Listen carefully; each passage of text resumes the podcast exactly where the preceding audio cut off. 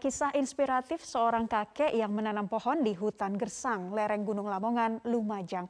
Selama puluhan tahun berjuang, kini hasilnya hutan yang gersang menjadi rindang. Bahkan sang kakek dianugerahi penghargaan Kalpataru, kategori perintis lingkungan.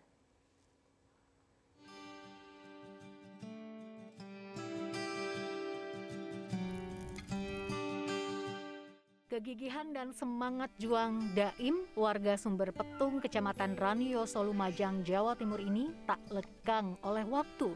Di usianya yang menginjak 61 tahun, tak sedikit pun ia mengendorkan semangat untuk menyelamatkan lingkungan.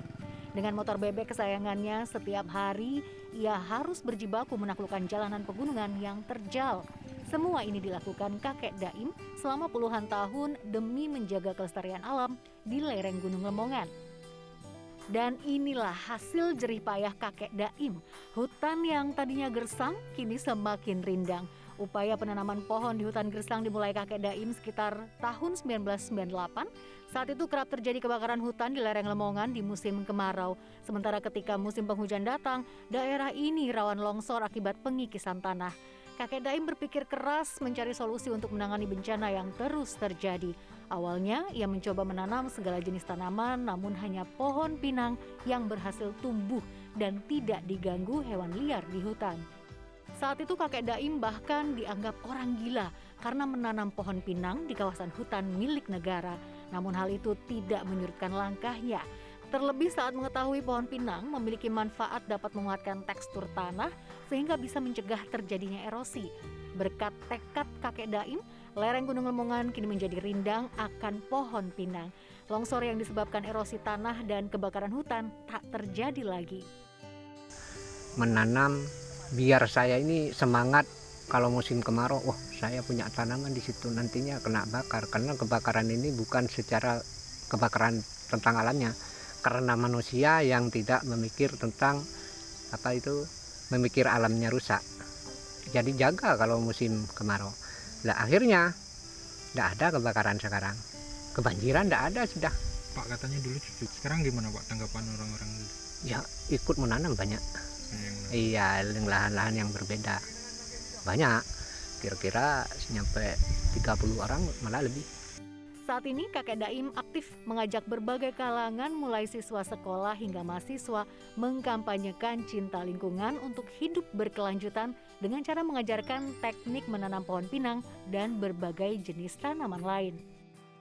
Kenal Pak Daim secara tidak sengaja karena kita kakek di sini. Lalu kami tahu ada satu sosok yang rela menanam pinang berhektar-hektar demi menghidupkan dan uh, membuat orang sekitar sini itu punya kerjaan dari Pinang itu sendiri. Terus uh, karena berkat Pak Daim ini lahan yang kosong yang dulunya itu uh, mudah terbakar dan lain sebagainya itu teratasi dengan sosok Pak Daim ini dengan menanam pinang itu sendiri. Atas kegigihannya menjaga lingkungan selama puluhan tahun, kakek Daim kini tak hanya mendapat apresiasi yang tinggi dari berbagai kalangan, melainkan pundi-pundi rupiah dari hektaran buah pinang yang ia panen. Bahkan, kepeduliannya menyelamatkan alam membawa kakek Daim menerima penghargaan Kalpataru sebagai perintis lingkungan dari Presiden Republik Indonesia. Tentang pendapatan Kalpataru ini, karena menahan mengurangi risiko kebencanaan satu yang dua menambah ekonomi masyarakat yang kurang artinya orang itu kan banyak kekurangan ekonomi. Cari pelapahnya itu tiap harinya menambah ekonomi masyarakat di sekitar saya. Dan lagian saya panen 30 persennya ini untuk apa itu karyawan yang bekerja di situ di kebun saya. Dari Lumajang, Jawa Timur, Kumbang Ari, Metro TV. Di Kabupaten Berau, Kalimantan Timur ini terdapat sumber air panas di tengah hutan mangrove yang berlokasi di Kampung Biatan Bapinang, Kecamatan Biatan, dan wisata ini banyak ternyata dikunjungi oleh warga nih, Naila dan juga pemirsa. Mereka biasanya datang untuk melepas rasa lelah dengan merendam kaki di kolam air panas setelah menempuh perjalanan jauh menggunakan mobil.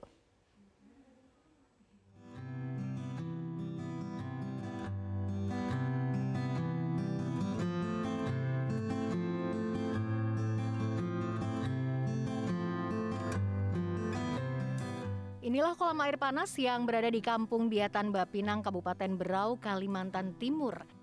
Berada di tengah hutan mangrove, kolam air panas ini merupakan lokasi wisata air panas Biatan Bapinang yang populer karena merupakan satu-satunya tempat wisata air panas di Berau.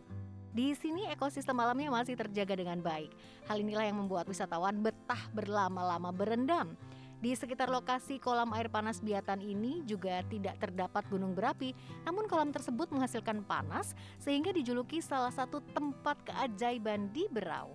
Banyak wisatawan yang mengunjungi tempat wisata air panas ini dengan bersantai merendam kaki mereka ke dalam kolam.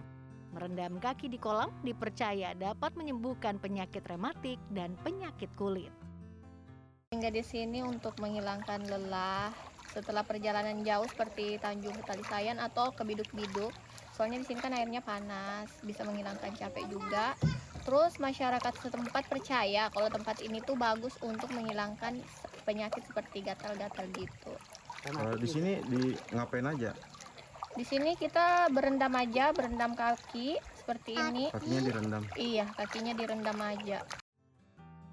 Wisata kolam air panas di tengah hutan ini juga sangat cocok bagi yang suka menikmati suasana hutan sambil terapi air panas. Namun sayang di balik keindahannya tidak dibarengi dengan kondisi fasilitas yang ada.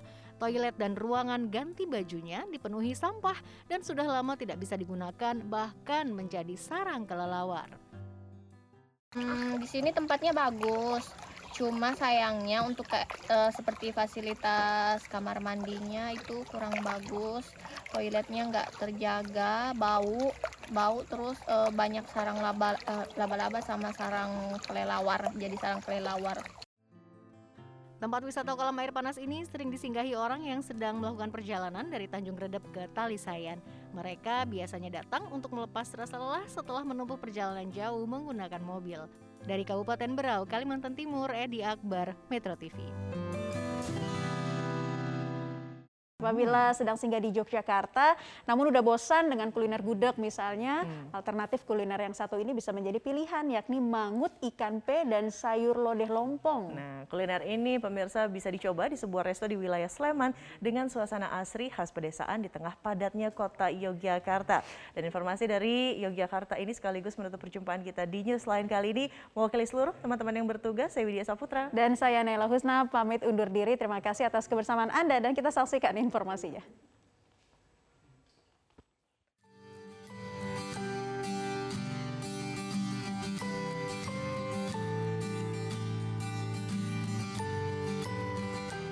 Jakarta tentunya dikenal dengan kuliner gudegnya yang tentu banyak diburu oleh wisatawan saat sedang singgah di Yogyakarta.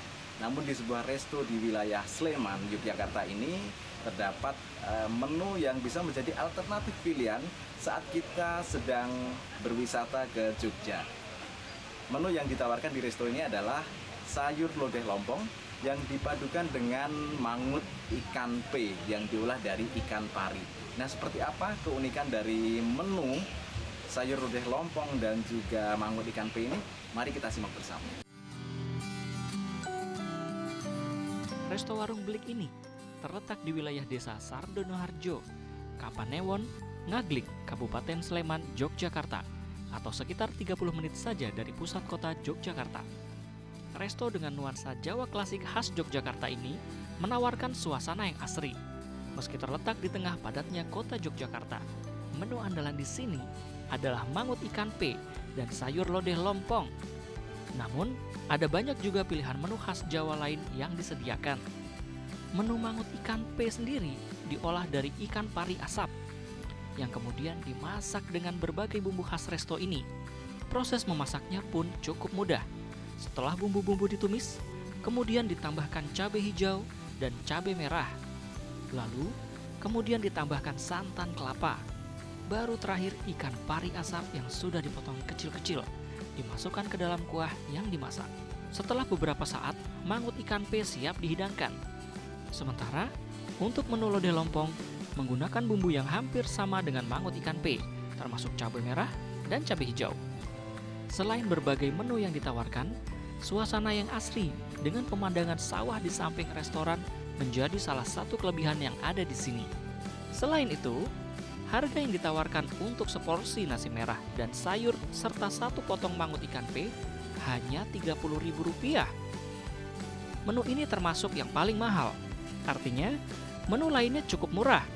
Rata-rata hanya Rp15.000 sampai Rp20.000. Selain harganya ramah di kantong, sajian ini bisa menjadi alternatif kuliner di Yogyakarta selain gudeg.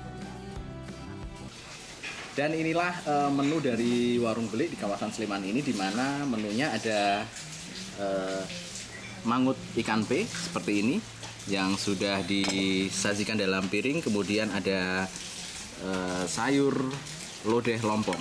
Nah, lodeh lompong kemudian dipadu juga dengan uh, oseng jantung pisang dan juga beberapa menu yang lain. Nah, ini saya kemudian sekarang akan mencoba uh, seperti apa sih rasanya dari menu andalan di resto ini. Kita ambil sedikit untuk uh, ikan pe-nya. Nah, kemudian bisa dipadu dengan uh, nasi merah maupun nasi putih bisa dipilih di sini.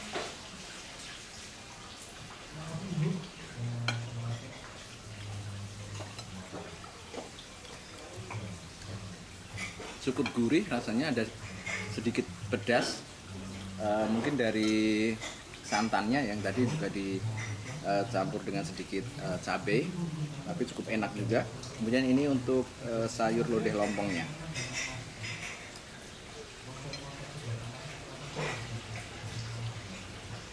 rasanya hampir sama dengan ikan pe di mana ada sedikit gurih kemudian pedasnya yang tentunya ini sangat pas untuk uh, menu makan siang seperti saat ini. Dan bisa ditutup dengan pilihan menu minuman berupa jamu. Ada jamu kunir asam kemudian beras kencur. Kebetulan yang saya pilih adalah beras kencur.